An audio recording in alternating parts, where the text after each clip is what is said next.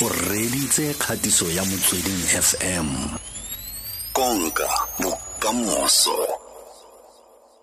Re golagana yalo le ba tourism business council of south africa ko re kopana yalo le motlhankedi khuduthamaga wa yona tourism business council of south africa ke bualo ka chifiwa chibenga fa mo mogaleng. Re bua ka gore technology e ka ungwela jang bojanala ke go boleletse mo kganteleng gore ntse re bua fa le jd sol fela ka bonako fela gore gone anong wa lebelela gore ka mokgwa technology e godileng ka teng re na le di-smart tv jalo mme ga o tlhoke yalo bo decoder jalo gore o kgone le go ka lebelela jalo dikaneletso batlang go di lebelela ga o tsena ko guest houseong kgotsa kwa hoteleng. Mme chifio teng fa mo mogaleng. Dumela chifio Eh, re teng ka buti le nna ke a leboga gore a bo re file nako. Ka bonako fela ka re bolela gore technology e botlhokwa jang jaaka se ka e sentse ke setlhalo sa fa sa di-smart tv ko di-hoteleng le gore bontsi ba di-hotel bo santse bo tswelela jalo go ka patela yalo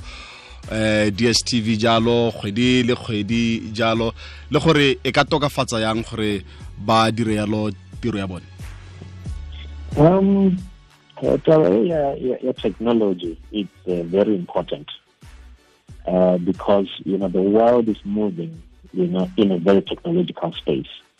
And like the example that you gave, uh, you know, the, the guest house or bed and breakfast, you know, one big thing, the first thing that one has to do, ke gore motho a be le Wi-Fi. mm. a proper working Wi-Fi, not a ya It's not gonna work. We need a proper working Wi-Fi in every establishment. Ya tourism, restaurant, B&B, shisanyama, proper Wi-Fi. Now, with a proper Wi-Fi, then motho a kana a change, uh, you know, so for example, the subscription at the TV, then I can uh, I can have the uh, uh, smart screens where people can be able to connect using their devices, uh, whether it's Netflix or whatever it is that they want to do. Because in tourism, we're moving to what we call customized experience. The whole experience how something is finally experience what room number two. Well, you are room number one. Mm. An experience at room number one is something very unique to you, and you should be able to enjoy your time at that particular establishment. So that is why making sure that there's proper Wi-Fi and people can be able to connect and use the screens, smart screens that are there is the number one thing. And if we do it properly, we should be able to be far ahead in terms of technology. Mm. motho e leng gone a bulang guest house gone anong um chifiwa e le gone a bulang restaurante gone yanong o tsayang yang advantage ya technology e re buang ka yona e e tokafaditseng matshelo a rona gone yanong Uh, there are many, many things, or no, no, many technologies that are out there. If you go to restaurants now, people, because of COVID, they don't want to touch menus. So you must digitalize the menu. That's number one. Santo Rikene mo ka cell phone fela. We, we take a snap.